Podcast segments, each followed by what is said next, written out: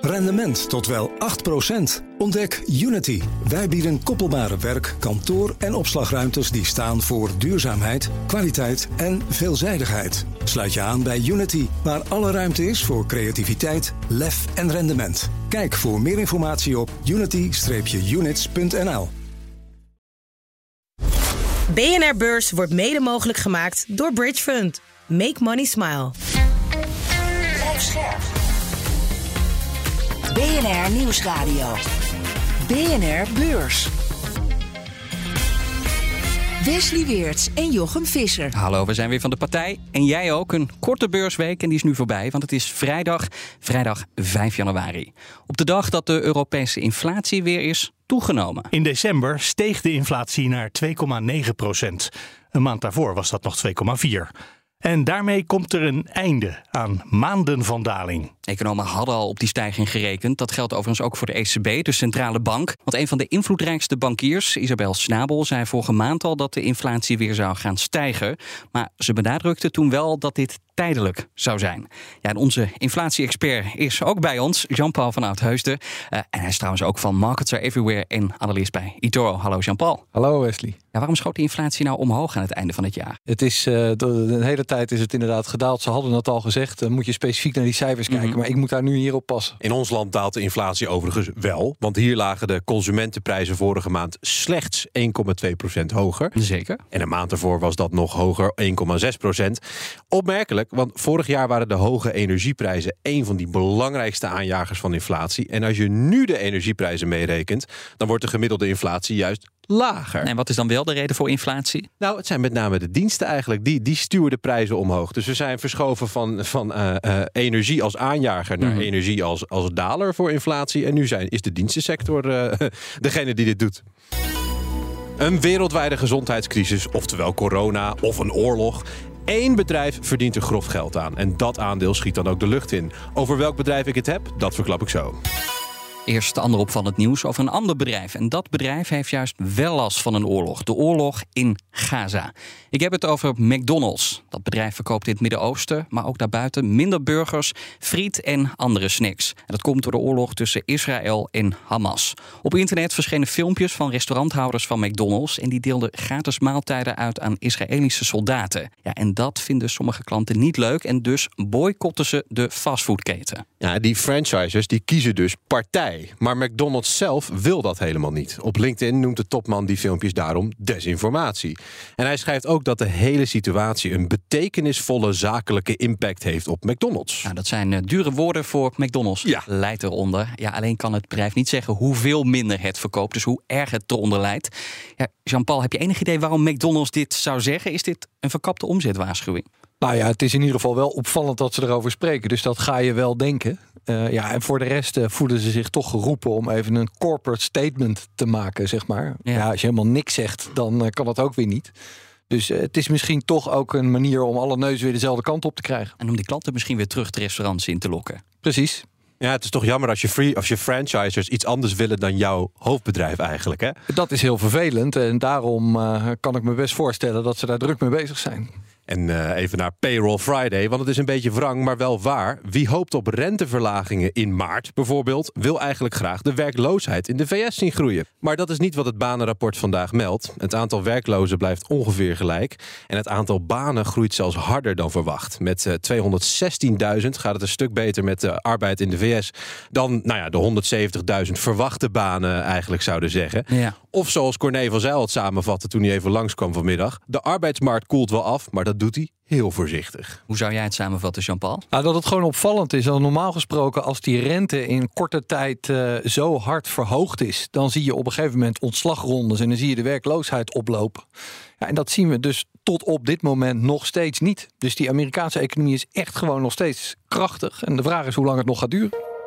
Het nieuwe jaar is uh, amper begonnen en we hebben nu al een winnaar. Dat is Maersk. Met afstand het best presterende Europese aandeel van dit jaar. Het jaar is pas net begonnen, maar ja, goed, toch leuk om te noemen. Of ja, zo leuk is de aanleiding helemaal niet. Het aandeel is in een paar dagen tijd zo'n 15% omhoog gegaan. En waar McDonald's last heeft van de oorlog in Gaza, daar profiteert containervervoerder Maersk juist wel van. Houthi rebels from Yemen have staged nearly two dozen attacks on commercial vessels since mid-November. De aanvallen van Houthi-rebellen maken vervoer over zee flink duurder en Maersk rekent dat meteen door aan zijn klanten. En kennelijk tot tevredenheid van de aandeelhouders, anders gaat dat aandeel niet zo hard omhoog.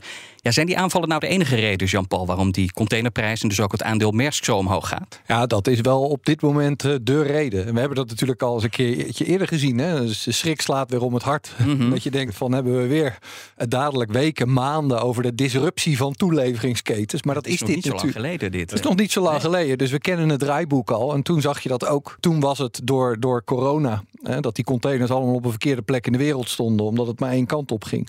Ja, nu dit ook weer. Ja, eh, maak je je er zorgen om. Op zich, als het kort duurt, is het niet zo erg. Alleen het bericht van eh Maersk eh, vanmorgen was van... nou, voor, voor onbepaalde tijd gaan we via Kaap de Goede Hoop. Ja. Ja, dat is toch wel wat zorgwekkend. En dat zie je terug in die prijzen. En, en kunnen we ook, de- eh, over die prijzen gesproken, weer terug naar de niveaus die we tijdens corona zagen? Dat waren volgens mij prijzen van 7 of, of 8000 dollar. Ja, keer vijf, keer zes, keer zeven met die containerprijzen toen. Ja. Dat was heel extreem. Ja, je hoort mij niet zeggen dat het niet kan. Het is nou niet meteen. eh, kijk, het is bij dit soort dingen. Je weet allemaal niet eh, hoe het daar verder gaat, gaat lopen. Het is natuurlijk hartstikke politiek. Je voelt aan je water aan dat het best wel weer eens langer zou kunnen duren dan dat iedereen zou willen. Maar ja, ehm, het is toch een beetje afwachten hoe het zich ontwikkelt. En een heel groot thema dit jaar is ook het afnemen van globalisering. Na corona willen Europa, de VS en China weer een eigen industrie. Ze willen chipfabrieken bouwen op een eigen continent.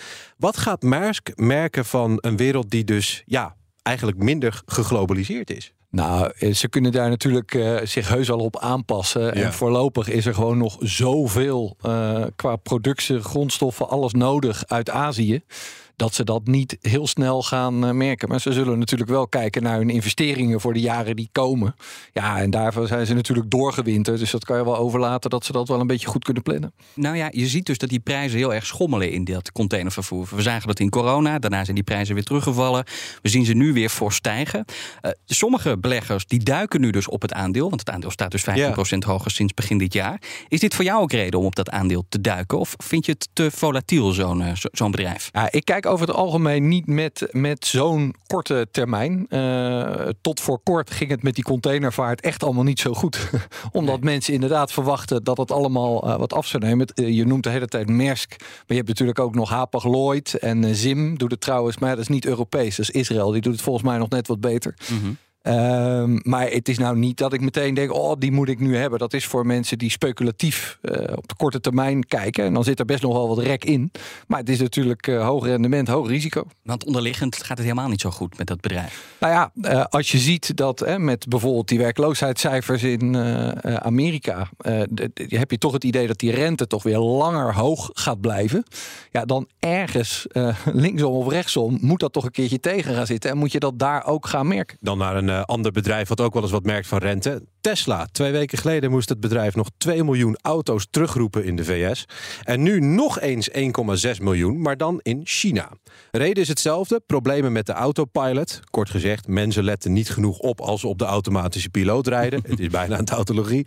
En dat moet gefixt worden, eh, vindt nu dus ook de Chinese waakhond. Ja, en vroeger moest je al die auto's dan terugroepen naar de garage. Ja. Dat kost tijd, dat kost geld. En nu rollen ze gewoon even een software-update uit. Ja, het is echt de zoveelste ook. Eh, ik geloof dat er iets van 19 waren dit jaar, eh, vorig jaar. Eh, zo riep eh, Tesla nog niet zo heel lang geleden. En bijna alle in China verkochte auto's terug vanwege problemen met de versnellingssystemen. En je zou je bijna afvragen hoe ze dat vroeger deden zonder die software-update. Ja, nu dus een nieuwe terugroepactie. Net nu Tesla wordt ingehaald door de Chinezen. Want het is BYD gelukt. Tesla is van de troon gestoten, zo bleek deze week. China's biggest EV maker just overtook Tesla in terms of worldwide sales, and will 2024 be the year when Chinese and other Asian electric vehicles conquer Europe and the US? Vorig kwartaal, het vierde kwartaal dus van vorig jaar, verkocht het Chinese BYD meer elektrische auto's dan Tesla.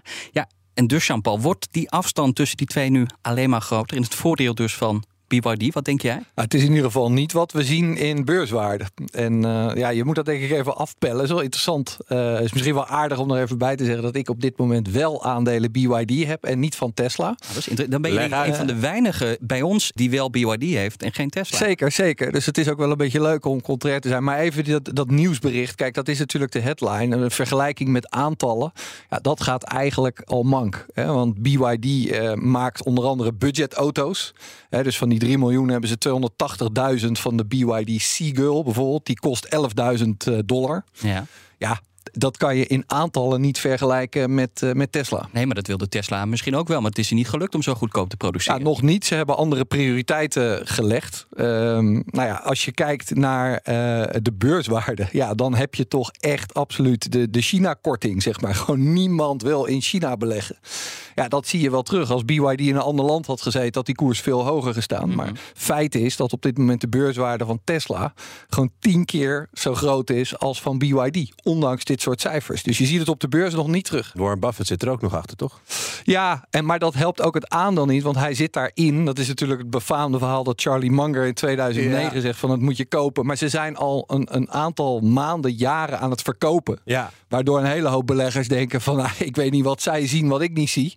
Maar dat, dat zal wel niet goed zijn dan. Nou, waarom Warren Buffett in BYD zit, kan ik niet aan hem vragen. Maar hij is niet de gast. Maar Jean-Paul staat wel hier. Waarom beleg jij wel in BYD en niet in Tesla? Is dat alleen vanwege die korting? Laat ik het zo zeggen. Ik wil eigenlijk, hè, ik ben altijd heel enthousiast geweest over China. Dat kan je nu ook niet meer zijn.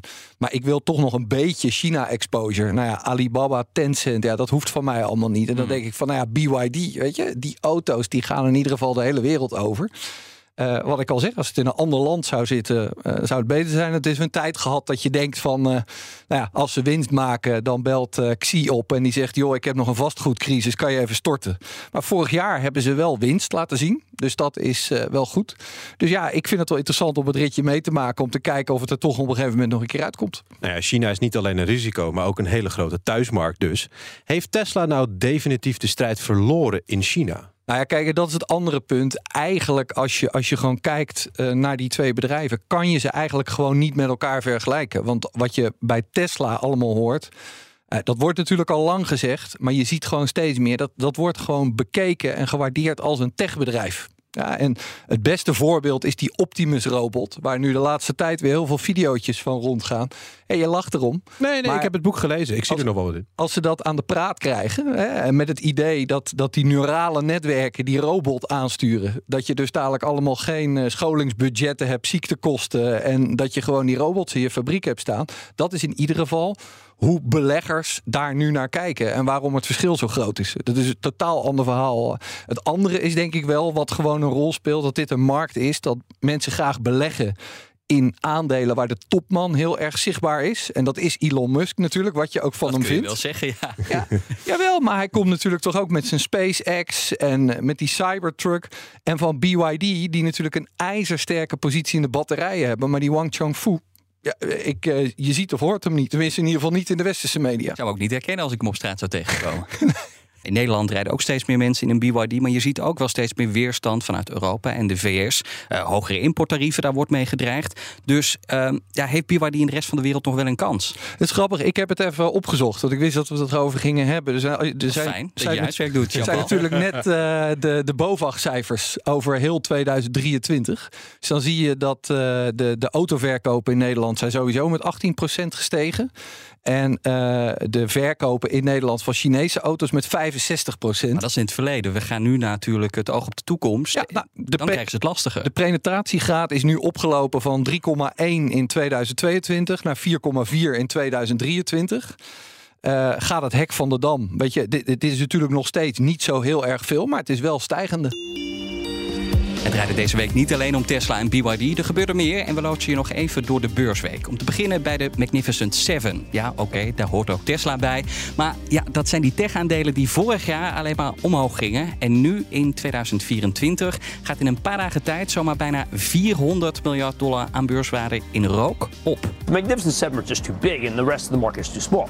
But I am saying that the Mag 7 may run in place or even work their way lower while the rest of the market might even get stronger and certainly more rewarding on a percentage basis. Ook op de cryptobeurzen was het even jubelen. En ook daar gingen de prijzen omhoog. Om vervolgens weer hard te dalen. Want de prijs van de bitcoin brak zelfs door de 45.000 dollar grens.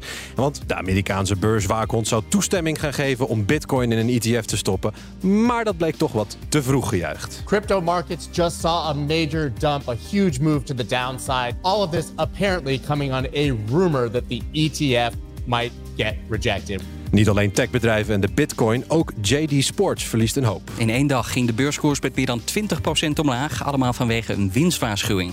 En nou ja, het slechte nieuws sleurt ook andere grote retailers en sportmerken mee, waaronder Adidas. Nou, wat anders dan, want milieuclubs tasten met al hun rechtszaken het Nederlandse vestigingsklimaat aan. Althans, dat zegt de hoogste baas van Shell Nederland in de Telegraaf.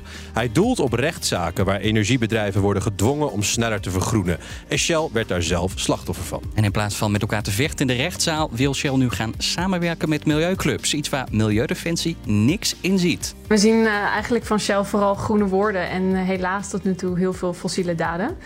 Um, we zien dat Shell op internationaal niveau inzet op meer fossiel in plaats van minder. Dus um, ja, zolang Shell op dat internationale niveau geen enkele stappen zet om dat vonnis uit te voeren en uh, minder fossiel, dan zien wij ook geen reden om in gesprek te gaan. Dan naar een andere sector met een hoge CO2-uitstoot, de luchtvaart. En om precies te zijn naar vliegtuigbouwer Airbus, want dat wil een grote overname doen. Airbus geeft toe dat het overnamegesprekken voert met het Franse Atos. Het wil niet het hele bedrijf opkopen, maar het onderdeel dat zich bezighoudt met cybersecurity.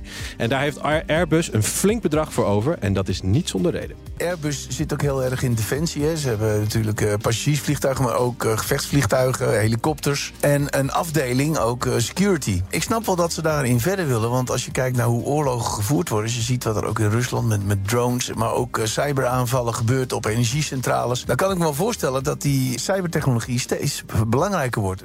ASML dacht er zeker van te zijn. Tot begin dit jaar mochten er geavanceerde chipmachines naar China. Niet de allerkrachtigste, maar wel de middenmotors. Dat had de Amerikaanse overheid bepaald en daar hadden andere overheden en ASML zich aan te houden. Maar Washington bedacht zich en houdt ondanks de eerdere belofte toch de leveringen van ASML-machines aan China tegen. Jean-Paul, Amerika hield zich dus niet aan de eigen deadline. Waarom niet? We, moeten toch uh, hier in ieder geval in BNR Beurs iets verder kijken dan alleen maar de headlines in het Financiële Dagblad zeg maar. Jij hebt zelf, uh, Jochem, ook al gezegd... die drie DUV-machines waar het over gaat... is drie keer 60 miljoen. Ik ben blij dat jij mijn draaiboek niet kan lezen, want daar staat hij. maar uh, tegelijkertijd uh, is bekend geworden... dat Intel volgend jaar zes van die spiksplinter nieuwe high-NA EUV-machines, hele mond vol, gaat, uh, gaat kopen. Stonden vandaag al, posten ze een mooi berichtje met die container die je met de kerst zag je die uit Veldhoven vertrekken. Nou, die stond nu in Hillsborough ja. met uh, blije mensen erbij. Ik zat toch te denken, als jij dat ding moet vervoeren, dan zou het angstzweet me uitbreken. Maar uh, dat is gewoon uh, zes keer 300 miljoen dollar. Ik denk dat gewoon ASML, Nederland, dat gewoon heel erg goed met uh, Amerika hebben onderhandeld. Ze zeggen, nou, doe die dan nu heel even niet. Maar dan komt dit door. En Peter Wenning die heeft altijd gezegd, als ik het in het ene land niet verkoop, dan verkoop ik het wel in het andere. Nou, daar zie je hier een voorbeeld van. Ja, dat kan wel zijn en dat is nu dan ook zo. Maar in de toekomst, wanneer je een hele markt door China verliest, dat gaat op een gegeven moment gewoon pijn doen. Absoluut. En daarom heeft ASML denk ik ook gezegd voor 2024 verwachten we eigenlijk even een pas op de plaats. Niet heel veel meer groei.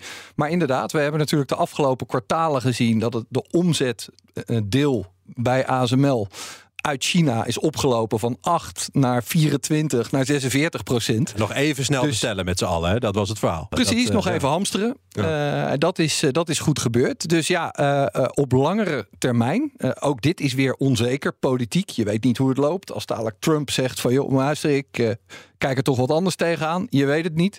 Maar dan wordt dus wel, zoals we dat noemen, de total addressable market wordt wel duidelijk kleiner. En dan komt het dus echt neer op de Intels, de Samsungs mm. en andere partijen die uh, ze afnemen. Is dat een kwestie van maanden of hebben we het dan echt over jaren voordat ASML dit gaat voelen? Ja, ze, ze, ze, voelen het nu al uh, in de zin dat ze zeggen dat ze voor 2024 even niet zoveel groei verwachten als de afgelopen jaren. Nee, maar ze zeggen ook de hele ze... tijd, de schade valt wel mee, we merken er niet zoveel van. Wat jij ook zegt, we verkopen het wel aan iemand Omdat anders. Omdat het orderboek gevuld is. Hè? Ja. Bij de laatste cijfers was het orderboek nog voor 38 miljard dollar gevuld. En uh, Wenning heeft gezegd van, ja, weet je, daar kunnen we voorlopig uh, wel even mee vooruit. Dus er is niet zoveel aan de hand. Ja, en daarna zal het moeten blijken. En natuurlijk is het eerste punt uh, de verkiezingen in Taiwan. Daar zijn we nu heel dichtbij op 13 januari. Mm ja, dat kan al bij uh, hun grote klant TSMC al voor een andere wind gaan zorgen. En hoe nuttig zijn exportrestricties eigenlijk? Want we hadden het er eerder over deze week. Kan China onderdelen halen bij de buurman, zoals Rusland dat doet, om oorlog te voeren? Dan gaat het specifiek over die machines van ASML. Ik denk dat je met heel veel dingen het wel ergens vandaan kan halen. Ja, zo'n EUV-machine lijkt mij heel lastig. En, het dat is dan de meest complexe, hè? Dat is echt de, de duurste machine. Ja, dus het is wel handig als je dan ook gewoon nog eventjes een, eh, een helpdesk kan bellen. Als er eens een keer een schroefje los zit, zeg maar. Dus ik neem de telefoon niet meer op dan. nou ja, dat mag dan officieel volgens die restricties niet. Dus daar, uh, daar moeten ze wel naar kijken. Nee, ik denk dat dat uh, in zijn algemeenheid geldt en dat het hier een heel stuk moeilijker is. En toch is het China vorig jaar gelukt om een hele krachtige chip te stoppen uit zo'n geavanceerde machine, de moeilijkste, die al lang niet meer naar China mag. En die chip die zat in een van de nieuwe telefoons van Huawei. Huawei. Dus hoe zinvol is zo'n exportverbod dan, vroeg ik mij af. Want SMIC, het grote chipbedrijf daar, kan kennelijk gewoon een iPhone-chip maken. Ja, je vraagt dat aan mij. Maar kijk, ik, ik kijk naar die exportverboden en die tarieven. Het is allemaal onderhandeling. Weet je, het is, het is uiteindelijk wil alles en iedereen aan iedereen leveren. Uh, ze willen alleen niet dat het, dat het eh, backfired, om het zo maar te zeggen.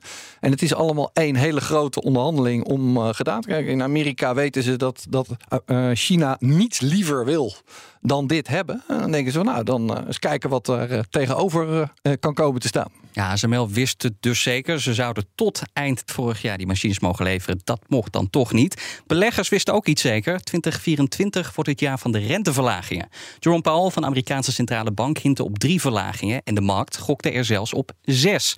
Ja, toen was het feest, maar de kater komt later. Want in de laatste notulen van de Fed wordt met geen woord gerept over een snelle verlaging. Dus Jean-Paul heeft Powell voor zijn beurt gepraat? Dat doet hij zelden. Uh, voorlopig moet ik zeggen, hè, mensen zijn altijd heel kritisch op centrale bankiers. Maar voorlopig, wat, hoe ze het afgelopen jaar hebben gemanaged, hebben ze denk ik voor de markten uh, heel erg goed gedaan. Dus op het moment dat hij dit zegt, zal dat in ieder geval zijn waar hij aan denkt. Het is wel grappig dat de markt nog steeds uitgaat van zes verlagingen. Ja. Dus ja, misschien dat hij denkt, nou, ik ga een beetje in het midden zitten. Hij heeft ook altijd gezegd, we kijken naar de datapunten. Nou ja, we zien er nu vandaag weer eentje binnenkomen. Uh, je ziet meteen de kans op een eerste renteverlaging in maart. Uh, die was groter dan 50%. Dat schiet nu weer terug. Mm -hmm. Ja, zo gaan we elkaar uh, het hele jaar bezighouden. Die renteverlagingen die komen er wel. Ja, maar, maar wanneer, wanneer, en hoeveel, dat zal moeten blijken. Maar uh, dat zou in ieder geval enorm helpen als die, uh, die hele onrust. Kijk, je krijgt nu natuurlijk weer uh, Maersk, het Suezkanaal of de Rode Zee.